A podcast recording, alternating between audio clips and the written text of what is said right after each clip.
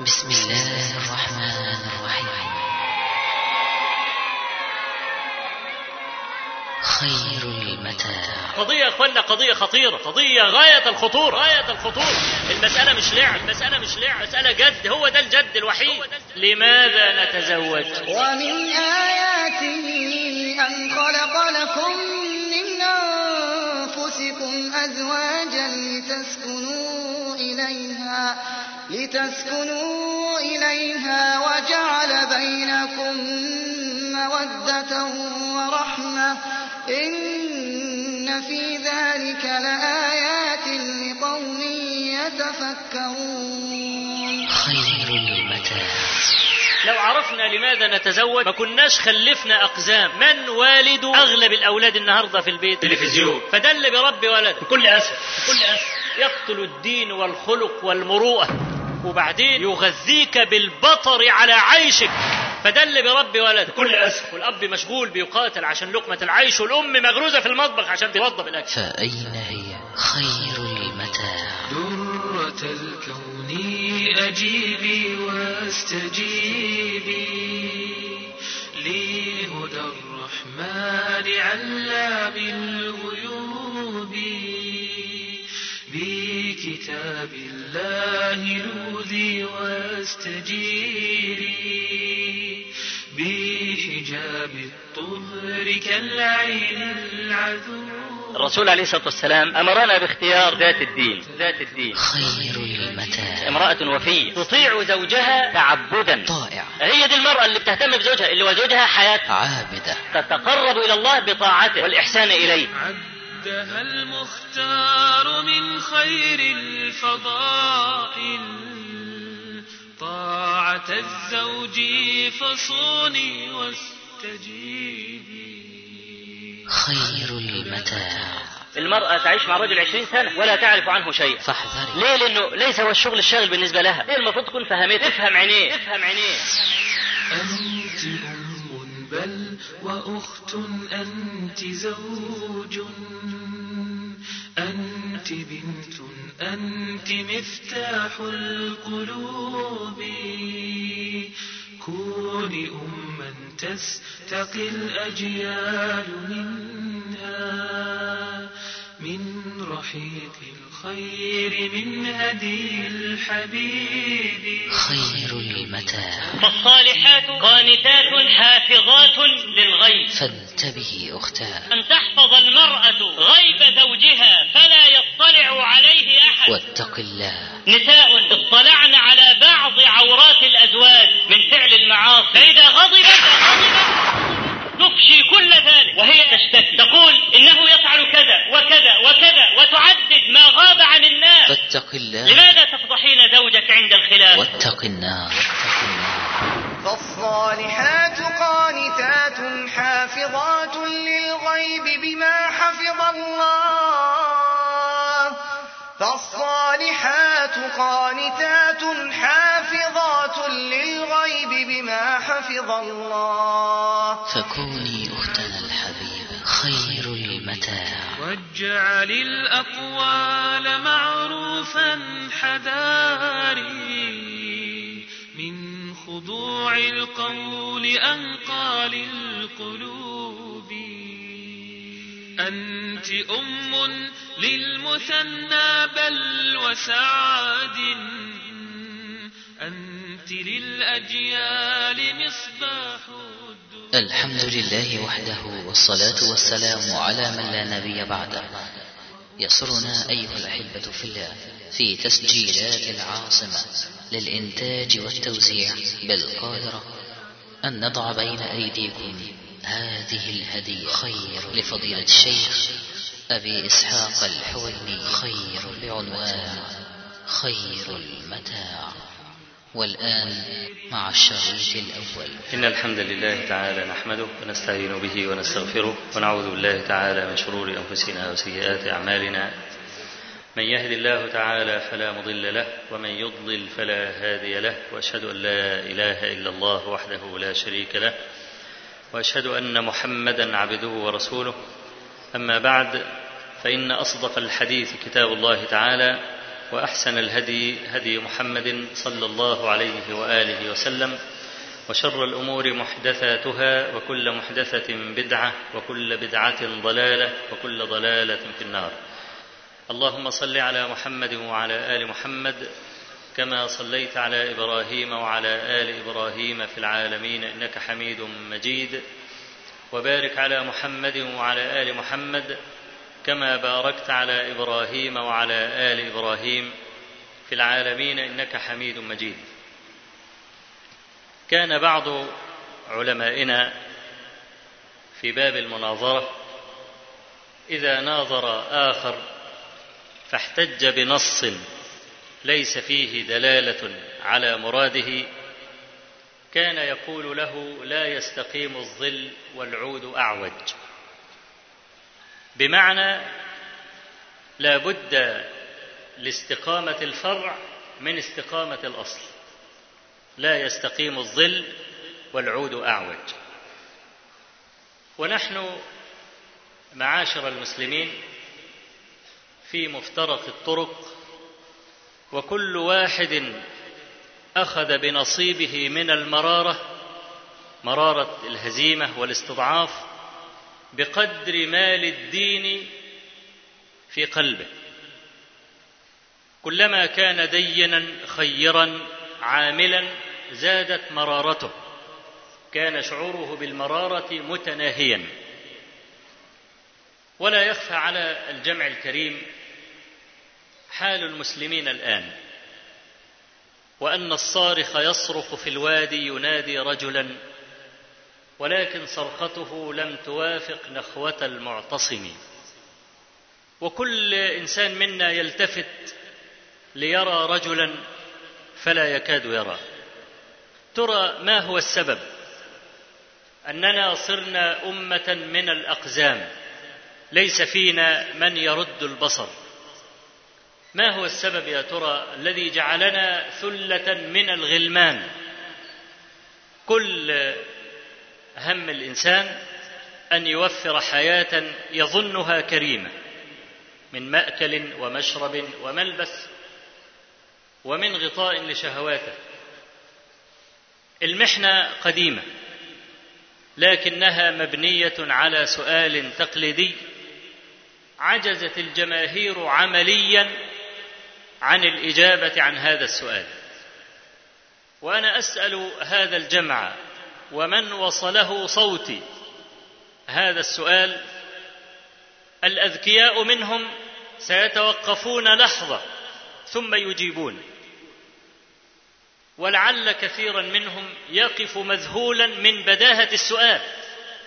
يعني إحنا لو في عز الحر ونحن وقوف ونتصبب عرقا فسألنا سائل هل الشمس طالعة؟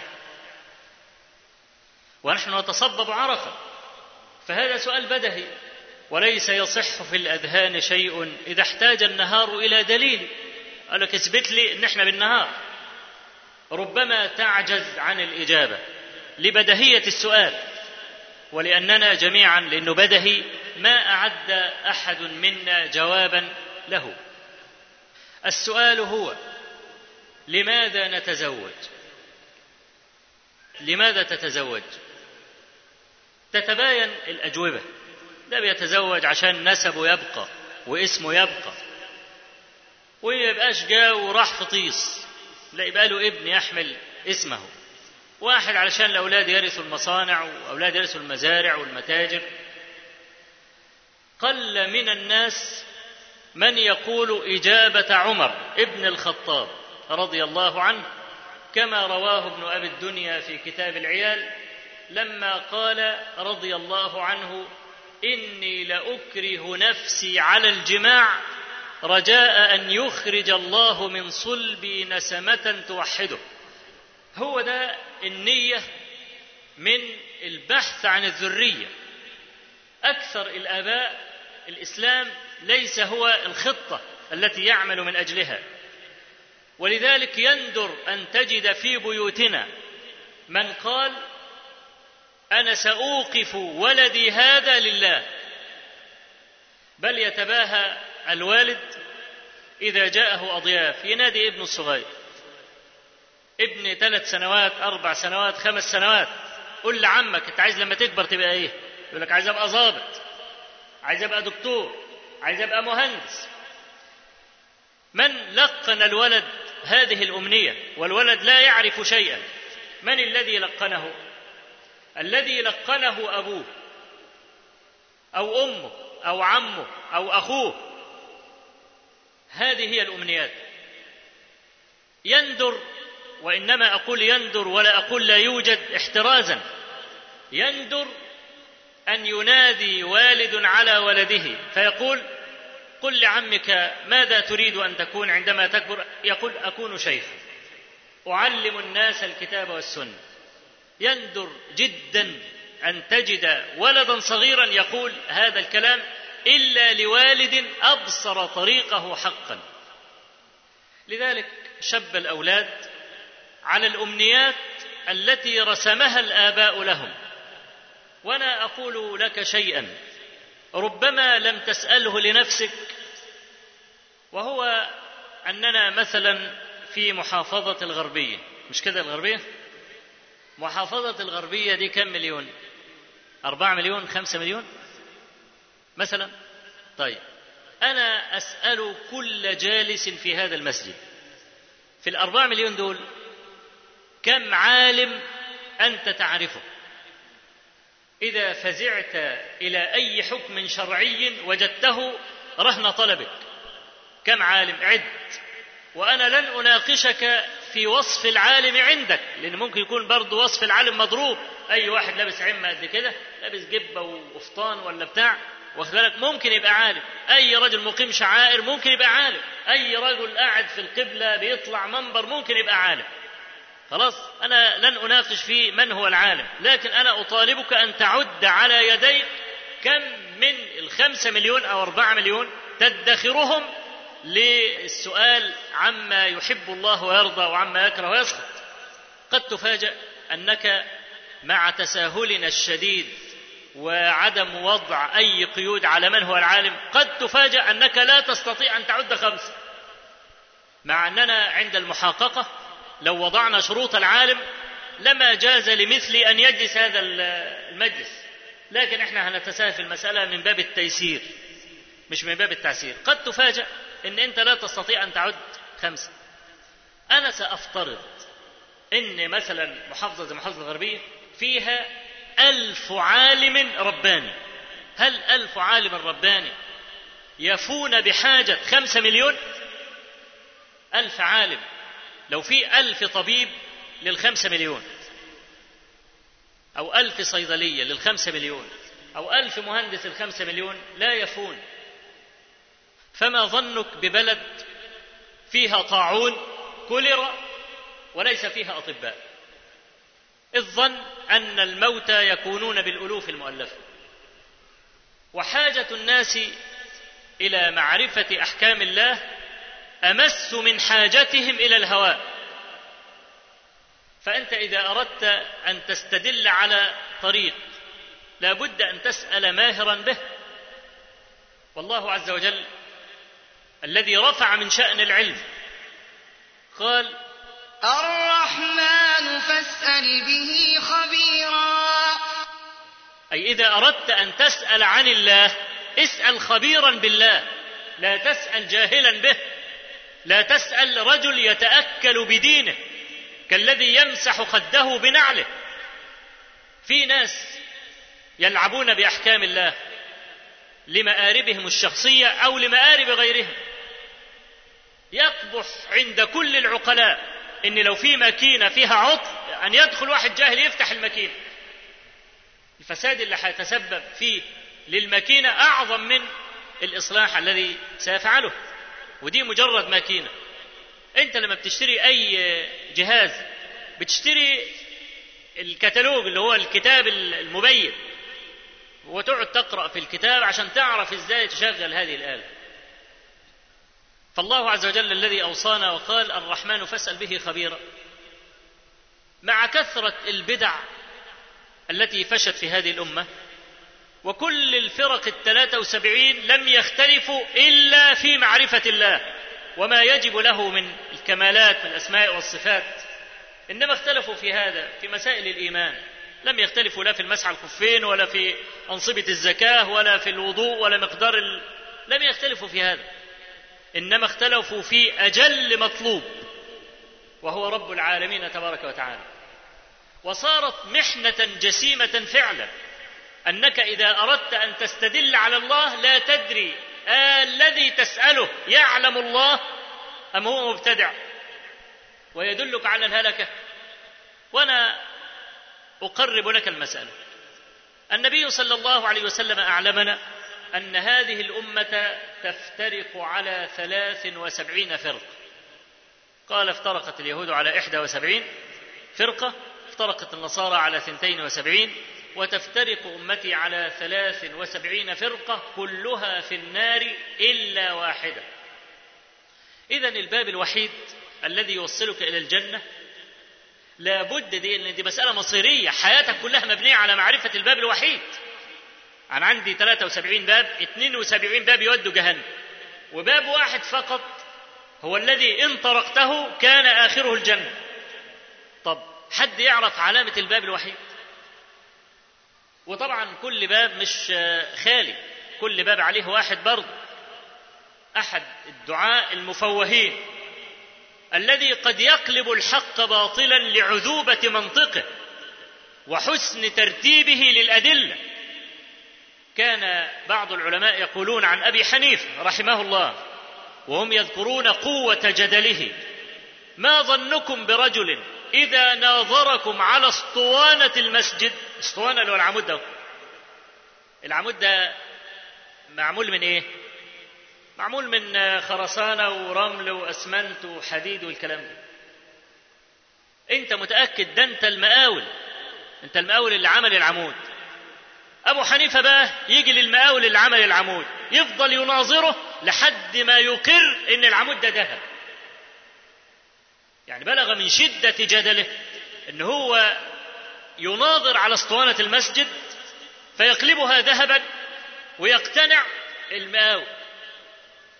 بعد ما يقتنع إنه ذهب يقول له طيب نبدل الكراسي. أنت تثبت لي إنها ذهب وأنا أثبت لك إنها طوب. فيبتدي المقاول يقول نفس الكلام لأبي حنيفة اللي هو اقتنع بإنه ذهب يفضل يناظره لحد ما يقول أيوه فعلا دي طوب ويفضل يلعبه مع الشناكل رايح جاي كده. فرجل عنده من قوة الحجة ما يستطيع أن يصل إلى هذه المسألة. فيه خلق من خلق الله عز وجل عنده هذا الجدل. فممكن يكون واقف على أي باب من الأبواب ال 72 وعادة يقف على هذه الأبواب واحد بهذه القوة قوة الشكيم. وبعدين يزيد عليه أنه قد يكون زاهدا. وعليه محيا أهل الورع. أول ما تشوفه يتفتح قلبك على طول. له كما حدث لعمرو بن عبيد. وكان رأسا من رؤوس المبتدعة. كان بيجمع خمس ألوان من ألوان البدع. يعني بدعة واحدة ممكن تودي قبيلة في جهنم. هو كان عنده خمس. خمس أنواع من أنواع البدع. كان المنصور والمنصور وما أدراك ما المنصور. ما كانش حد بيملي عينه أصلا ما كانش بيحترم حد. كان المنصور إذا رأى عمرو بن عبيد يقول كلكم يمشي رويد كلكم طالب صيد غير عمرو بن عبيد. تعرف الصياد لما يكون رايح يصطاد أو التاكسجي اللي راكب تاكسي يقول لك وأنت ماشي أنت راجل عايز تمشي لا هو واقف بقى عمال يدور على زبون. فمش فاتح بقى راكب العربية وطالع يجري على السكك فهو طالع ماشي على مهل يبص يمين ويبص شمال زي الصياد بالظبط. فهو بيقول كلكم يمشي رويد. يعني أنتوا كلكم لكم مصالح وكل واحد طالع من بيته عارف سكته عمال يتلفت يمين وشمال عشان يشوف حد يصطاد. كلكم يمشي رويد. كلكم طالب صيد غير عمرو بن عبيد. يعني أنتوا كلكم عايزين بقى الدنيا والكلام ده؟ ما عدا عمرو بن عبيد ده. ده راجل بتاع ربنا. اللي هو بيجمع خمس ألوان من ألوان البدع. وكانت علامة الصلاة في وجه عمرو بن عبيد كركبة العنز. شوف المعزة بقى الركبة بتاعتها بتبقى طالعة لبره كده هو علامة الصلاة عاملة كده. في وشه. فتخيل ده واقف على باب من الأبواب وأخرس. ما بيتكلمش كمان. أول ما تشوفه كده تعيط عشان.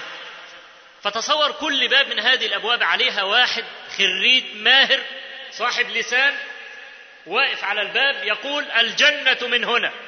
كل الأبواب اللي جنب دي تودي جهنم الحمر. جنة من هنا. وانت راجل بقى أبيض لا عندك خبر بعلامة الباب الوحيد ولا عندك أي حاجة. طالع بتجرب حظك. أليس من الجائز أن يميل قلبك وأن تميل أذنك إلى هذا البيان العذب وتسمع كلام الراجل ده هو وتمشي وراه؟ وإذا في الآخر آه نلاقي ما لا يحمد عقباه. فأنت طالع النهاردة ولا بد أن تلج بابا من هذه الأبواب. المسألة مش لعب المسألة جد. هو ده الجد الوحيد. ده الجد الوحيد والدنيا كلها لهو ولعب كما قال الله عز وجل. إنما الجد الوحيد الآخرة نهايتك. فالمسألة مش لعبة. أنت يوم ما بتطلع الصبح من بيتك لازم تمر على واحد من ال 73 باب غصب عنك. فهل وأنت خارج من بيتك؟ قل أنا لابد أن أعرف علامة الباب الوحيد بحيث لو واحد من أصحاب المناطق المنطق العذب ده حاول يخدعني أقول له لا العلامة مش موجودة وتفضل تنظر في ال 73 باب لحد ما تجد العلامة الوحيدة التي ذكرها لنا رسول الله صلى الله عليه وسلم. لأن يستحيل النبي عليه الصلاة والسلام الذي قال ما تركت شيئا يقربكم من الله يقربكم من الجنة يباعدكم عن النار إلا أمرتكم به. أبو ذر وأبصر طائرا يطير في السماء قال ما من طائر يقلب جناحيه في السماء إلا وعندنا منه علم عن النبي صلى الله عليه وسلم. وفي السنن أن اليهود قالوا لسلمان الفارسي إن صاحبكم يعلمكم كل شيء حتى الخراءة. حتى دخول دورة المية. ما سبكش تدخل على كيفك. إنما أمرك ألا تستقبل القبلة وألا تستدبرها وألا تمس ذكرك بيمينك. وقبل ما تدخل من الباب تدخل برجلك الشمال وتقول اللهم إني أعوذ بك من الخبث والخبائث. وقال قبل تعليم الحكم ده قال إنما أنا لكم كالوالد يعلمكم. هو الأب بيعمل إيه مع ابنه؟ الذي لا يعرف شيئا. مش هو اللي بينيمه ويشربه ويغسله الكلام ده لحد ما يكبر؟ إنما أنا لكم كالوالد يعلمكم. فاليهود بيقولوا له بيقولوا لسلمان صاحبكم علمكم كل شيء حتى لما تدخل دورة المية تعمل إيه؟ فكانوا يغبطوننا عليه صلى الله عليه وآله وسلم. فتصور الذي علمك كيف تقضي حاجتك. يترك تعليمك والتبليغ عن أجل مطلوب ألا وهو الله عز وجل؟ هذه مسألة غير متصورة. فهو صلى الله عليه وسلم لما قال إن 73 باب أعطاك علامة الباب الوحيد. قال كلها في النار إلا واحدة. قالوا من هي يا رسول الله؟ قال ما عليه اليوم. أهي دي العلامة الوحيده ما عليه اليوم. اليوم اللي هو كان هو وهو حي عليه الصلاة والسلام. يبقى أنت إذا أردت أن تنجو وتعرف علامة الباب الوحيد لابد أن تكون محبا لسنة خير الأنام. وتعرف بقى كيف كان يأكل وكيف كان يشرب وكيف كان في حلمه وفي غضبه وفي رضاه. كل شيء.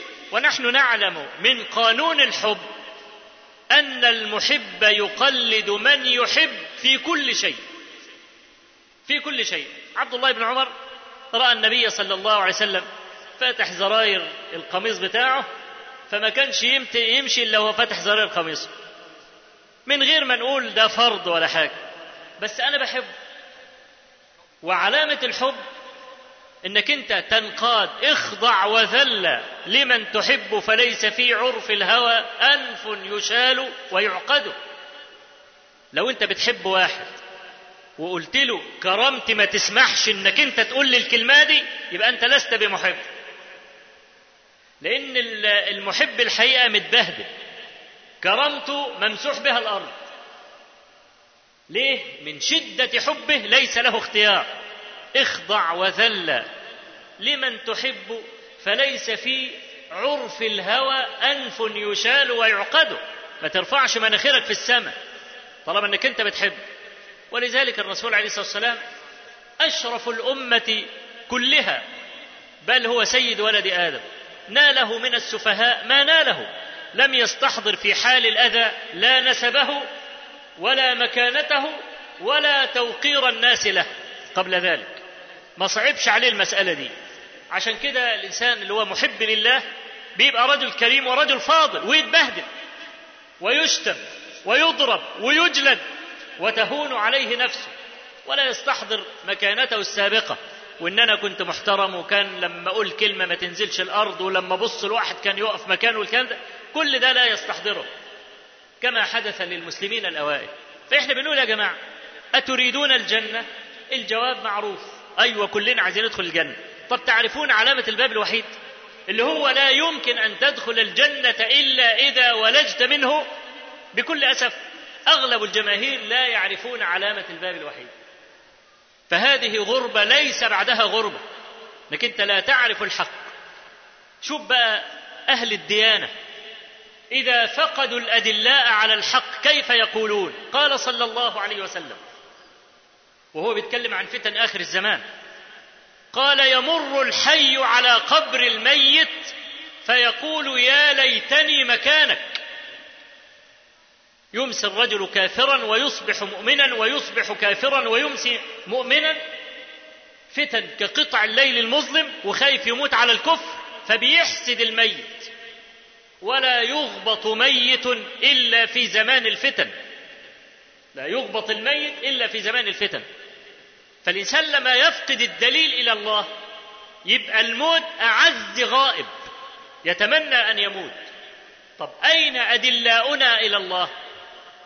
أين أدلاؤنا على الله عز وجل؟ لا تكاد ترى دليلا بعد دليل إلا على مسافات متباعدة للغاية. المسافات المتباعدة دي ليتها خالية. ده فيها لصوص وفيها قطاع طرق. إذا عديت الدليل ده هو بينك وبين الدليل الآخر مثلا مسيرة ثلاث أربع خمس أيام. ثلاث أربع خمس أيام في لصوص يسرقون القلوب. قاعدين لك على السكة يناوشونك. أنت لو رجل جاد في السعي إلى الله بيعطلوك. يدعونك الأول إلى الضلال البعيد. لكن أنت رجل متحقق بالحق فمش واخد في المسألة وماشي. يعمل إيه؟ يكعبلك. ما هو لا يمكن يتركك ابدا تمشي مجدا إلى الله بكده بالعزم ال... لا. يدعوك الأول فشل في إن هو يدعوك يعمل أي حاجة. يطلع كلبين ثلاثة يهبهبوا عليك. يطلع واحد من هنا يشتمك واحد يشتمك على ما ترد على ده وترد على ده يكون فاتك مسافة. أهل الحق لا يضيعون أعمارهم ولا يضيعون أوقاتهم. فأنا بقول لك بين كل دليل ودليل من الأدلة على الحق في قطاع طرق. عملت حسابك للحرمية دول؟ قطاع الطرق المسلحون؟ عملت حسابك يعني كيف تقاومهم؟ وعرفت السكك بقى اللي هي والدروب وبنيات الطريق عشان تهرب؟ لأن أنت عارف الشياطين بتقف على الطرق اللاحبه الطرق اللي هي المستوية والطرق الواسعة اللي أغلب الناس بيمروا فيها. أنت عايز تطلع من كمين ولا حاجة لازم تكون عارف لك طريقين ثلاثة أربعة كده على جنب تقعد تلف وتطلع وتنزل لحد ما تنجو. عملت حسابك برضه إن يكون عندك طريق واثنين وثلاثه والكلام ده؟ قد تفاجأ إن كثير من الناس القضية دي غايب عنهم تماما. يقول لك والله يا أخي أنت فاجئتني. فاجئتك؟ ده أنت أصلا مخلوق عشان كده.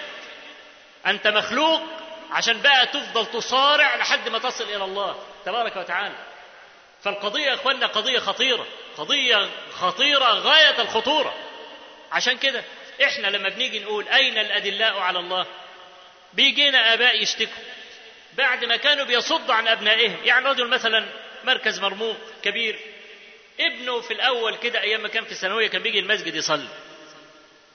كان يضرب ابنه ويحلف على مراته بالطلاق الولد ده لو راح قرب من العالم الجرب دول أنا هعمل وأخلي وأسوي. طيب ما هو إحنا ما بقناش أصحابه. من أصحابه؟ كسير وعوير وثالث ما فيه خير زعيط ومعيط ونطاط الحيط. هم دول اصحابه ما هو إحنا إحنا مش اصحابه يبقى مين أصحابه؟ هم دول. العيال بقى علموه إزاي بقى يعاكس البنات وعلموه إزاي يشم والكلام ده. طبعا كانت النتيجة إنه في الثانوية العامة طلع ب 40 50% أما دخلوا جامعة 6 أكتوبر كلية الصيدلة مثلا بالفلوس.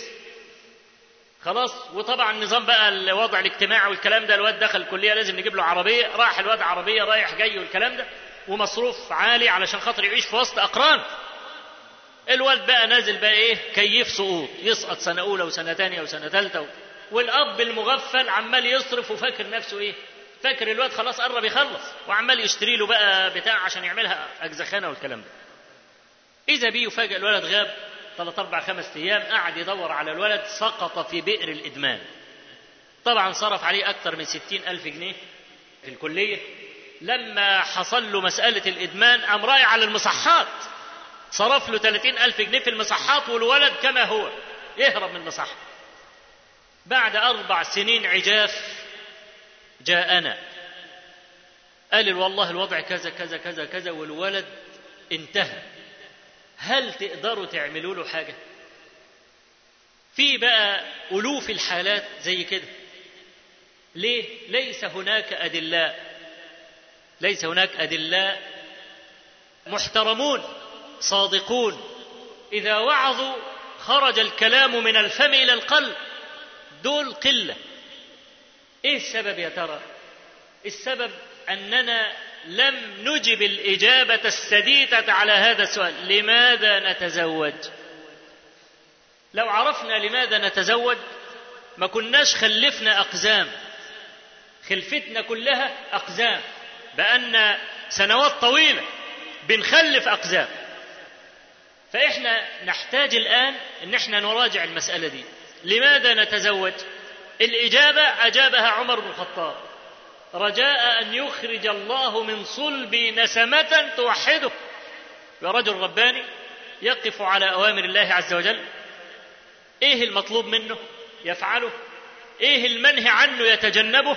ويكون كالأئمة السالفين. كان الواحد منهم يستف التراب ويأكل ورق الشجر ولا يأكل الحرام.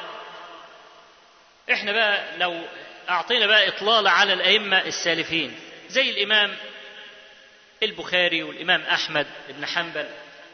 كان لهم في الرحلة وهم بيرحلوا لطلب العلم كان لهم أعاجيب كانوا يأكلون ورق الشجر.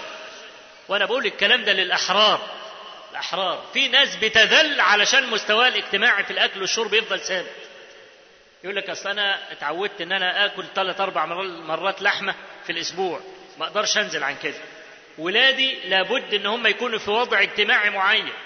طيب أنت ما معكش الفلوس تعمل إيه؟ يشتغل. حتى لو هو راجل شريف يفضل يشتغل يطلع من شغل يدخل شغل يطلع من بيته الساعة 7 الصبح يرجع الساعة 12 بالليل. قال طب مين يربي ولادك؟ كل مولود يولد على الفطر. فأبواه هو بياخد الاعتقاد من الأب والأم. عايز تطلع يا ولد عايز أطلع دكتور. ما هو ده نوع من الاعتقاد. الأب هو اللي بيغذي الولد. فأبواه إما يهودانه أو ينصرانه أو يمجسان طيب من والد أغلب الأولاد النهاردة في البيت؟ تلفزيون. هو ده اللي بيربي. الأب متخصص تربية جتت بس ده شغلته يربي جت يجيب الأكل والشرب والواد يأكل ويشرب ويتمتع. والأم شغالة مرمطون في المطبخ اللي الأب يجيبه تطبخه وتقدم للعيال. طب من يعطي للأولاد القيمة؟ مين اللي بيدي الأولاد القيمة؟ هو التلفزيون الملعون. وانت عارف النهارده التلفزيون بقى 24 ساعة. 24 ساعة. لو حبينا نعمل يعني إحصائية كده سريعة للتلفزيون حرام ولا حلال؟ هو بيقدم 24 ساعة. كم ساعة نافعة؟ أنا شايفكم بتضحكوا فما تظلموهوش اديله حتى ثلاث ساعات. ها؟ اديله حتى ثلاث ساعات يعني من من 24 ساعة. خمس ساعات. يتفضل 19 ساعة. بيعمل فيها إيه؟ يقتل الدين والخلق والمروءة. وبعدين يغذيك بالبطر على عيشك. أول واحد بيتكوي الوالد. الوالد المطحون بيكافح كفاح الأبطال عشان يوفر اللقمة دي للولاد. يوم يطلع ولد من عيال يقول له هو أنت يعني بتأكلنا إيه يعني؟ شوية الفول وشوية البتاع اللي أنت مش عارف بتأكلهم لنا؟ وعمال تزل أنفاسنا وتقول يا ده أنا عملت لك يا ده أنا خليت لك يا ده أنا سويت لك. أمال بقى لو بصيت أنت لفلان وفلان اللي عمالين كل يوم يذبحوا عجل والكلام أول واحد بي بيموت الأب. البطر ده جا للأولاد منين؟ من الإعلانات الاستفزازية عن السلع. كافيار. مش عايز تاكل كافيار؟ طيب عايزين ناكلك كافيار. نعمل إيه؟ يجيب لك 10 15 بنت جربانة بيتنططوا كل كافيار كل كافيار كل كافيار. طيب التنطيطة اللي انت بتشوفها دي اوعى تكون فاكرها تنطيطة بريئة. في حاجة اسمها مدرسة الإعلان. الإعلانات لها مدرسة وقائمة كلها على الإيماءات الجنسية. الغمز بالعين وبالرجل وبالفخذ. اوعى تكون فاكر إن دي واحدة بتتنطط ولا واحدة عمالة تتكلم أي كلام. دي درست في مدرسة الاعلان وهي بتعلن لك عن السلعة إزاي تبعت لك صاروخ من عينيها على قلبك؟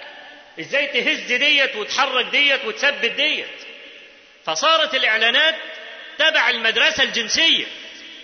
وبعدين كل يوم يعملوا إعلانات استفزازية. مسلسلات عيال كل ولد كل يوم يغير عربية. ويعزم البت بتاعته على النيل وقاعدين يشربوا بقى البيبس واللي مش عارف إيه. والله اعلم اللي جوه بتاع الكوباية المهببة دي. ويقعدوا بقى وانت طبعا انت واخواتك بتناموا في سرير دورين هو في الدور الأولاني وانت في الدور الثاني ولو يعني السقف مرتفع شوية من أيام البنايات القديمة دي مفيش مانع يبقى في دور ثالث يبقى أنت العيلة كلها نايمة على سرير واحد ثلاث أربع أدوار. فلما تشوف بقى المناظر اللي انت شايفها ديت تقوم تسخط على العيشة اللي انت عايشها. ولا ترى جميل والدك. في نفس الوقت يعلموا الناس الفساد بل وصلوا الناس إلى الانفعال بهذا الفساد. لو في ولد خطف بنت بدعوى الحب والكلام ده واتجوزها كده وبعيد عن أبوها والحاجات دي وقعدوا يدوروا عليه وهيقبضوا عليه أنت بتبقى قلبك بيعمل كده أحسن البوليس هيقبض على الولد. ولو الولد هرب أنت بتتنافس. سعداء. إيه اللي بيحصل ده؟ إيه اللي بيحصل ده يا اخوان إن صارت المسألة مسألة مسألة مستمرة يعني المعروف انقلب منكرا ما عادش بقى حاجة اسمها إن يصد ولا ده انقلب منكرا. فده اللي بيربي ولدك. بكل أسف. والأب مشغول بيقاتل عشان لقمة العيش والأم مغروزة في المطبخ عشان بتوضب الأكل. فهذا هو الذي يربي الأولاد. يطلعوا أقزام ولا ما يطلعوش؟ آه يطلعوا أقزام. لأجل هذا نحن في غاية الحاجة إلى مراجعة أنفسنا. إذا كنا عايزين نغلب اليهود وننتصر على اليهود واليهود يغلبون. اليهود ليسوا شجعانا اليهود جبناء. دمروا اليهود دمروهم مزقوا اليهود مزقوهم دمروا اليهود دمروهم مزقوا اليهود مزقوهم إخوة القرود دنسوا الحدود. إخوة القرود دنسوا الحدود. هيا يا أسود علموا الجنود. هيا يا أسود علموا الجنود. واثبت الصمود في دم اليهود واثبت الصمود في دم اليهود واثبت الصمود في دم اليهود. هم جبناء. قال عز وجل ولتجدنهم أحرص الناس على حياة. منزوعة الألف واللام منزوعة الكرامة. أي حياة؟ اليهودي عايز يعيش. بس تعيشه خدام تلبسه جزمة تحطه في البكابورت هو يعيش. هو عايز يعيش مش عايز يموت. أدي اليهودي. المسلمون لا يعرفون إلا الحياة الكريمة. ولذلك أنت عمرك ما هتلاقي على مدار التاريخ يهودي يفجر نفسه. يفجر نفسه عشان مين؟ عشان مين يفجر نفسه؟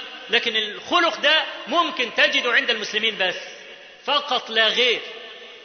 إحنا كان عندنا صناعة قديمة بس مصانعها قفلت. كان الصناعة دي لما يكتب عليها صنع في بلاد الإسلام زي النهارده في زمان الناس ما يقال صنع في اليابان. إحنا بس الأمة اللي كانت بتنتج الصناعة دي بعد ما مصانعنا قفلت ما عادش حد بينتجها. ألا وهي صناعة الرجال. صناعة الرجال ماركة مسجلة. ما يعرفش ابدا ينتج هذه الصناعة إلا الأمة المسلمة وحدها. فصناعة الرجال دي ما تجيش إلا إيه؟ إلا إذا علمنا لماذا نتزوج. رجاء أن يخرج الله من صلبي نسمة توحده. هو ده بقى الغاية من الإيه؟ من الزواج. يبقى إحنا بقى نعيد مرة أخرى هذا الشعار ونرفعه ونتبناه. يوم ما نتبنى هذا الشعار ونملأ به بيوتنا كون الآباء الجدد والأمهات الجدد على مستوى المسؤولية حين ذاك تلد الولد وهو يرضع يكون عملاقا. الولد وهو بيرضع يكون عملاقا. فكيف إذا عرف ربه وكيف إذا كان له ولاء لدينه؟ وجه الدنيا سيتغير إذا أحسن الإجابة عن هذا السؤال. فنسأل الله تبارك وتعالى أن يبارك للعروسين وأن يبارك عليهما وأن يجمع بينهما في خير. أقول قولي هذا وأستغفر الله لي ولكم وصلى الله وسلم وبارك على نبينا محمد والحمد لله رب العالمين. فيا أخي الحبيب القلب بيت والعين باب ولا يدخل لص البيت إلا والباب مفتوح. فإذا دخل سرق حلية الإيمان وجوهر التقوى وترك القلب خرابا في خراب. فاحذر هذا اللص احذر هذا اللص. فإنه خفيف الحركة. تكفيه لحظة واحدة ليتسلل. لحظة واحدة فقط. ولهذا لما سئل النبي صلى الله عليه وآله وسلم عن نظر الفجأة قال اصرف بصرك لأن النظرة سهم مسموم فأثرها يستمر وإن غاب المنظور إليه. فاحذر من هذا العدو الذي أعد عدته. وأخذ أهبته ووتر سهمه في كبد قوسه ثم أطلقه فأصاب الهدف. وما هي إلا لحظات حتى سرى السم إلى الجراح. فصارت جوارح اللسان يتكلم والقدم تسعى والجسد انتفض ودارت العجلة. نظرة فابتسامة فسلام فكلام فموعد فلقاء لقاء أحبتنا نرجو مواصلة الاستماع للشريط التالي من هذه السلسلة. والسلام عليكم ورحمة الله وبركاته.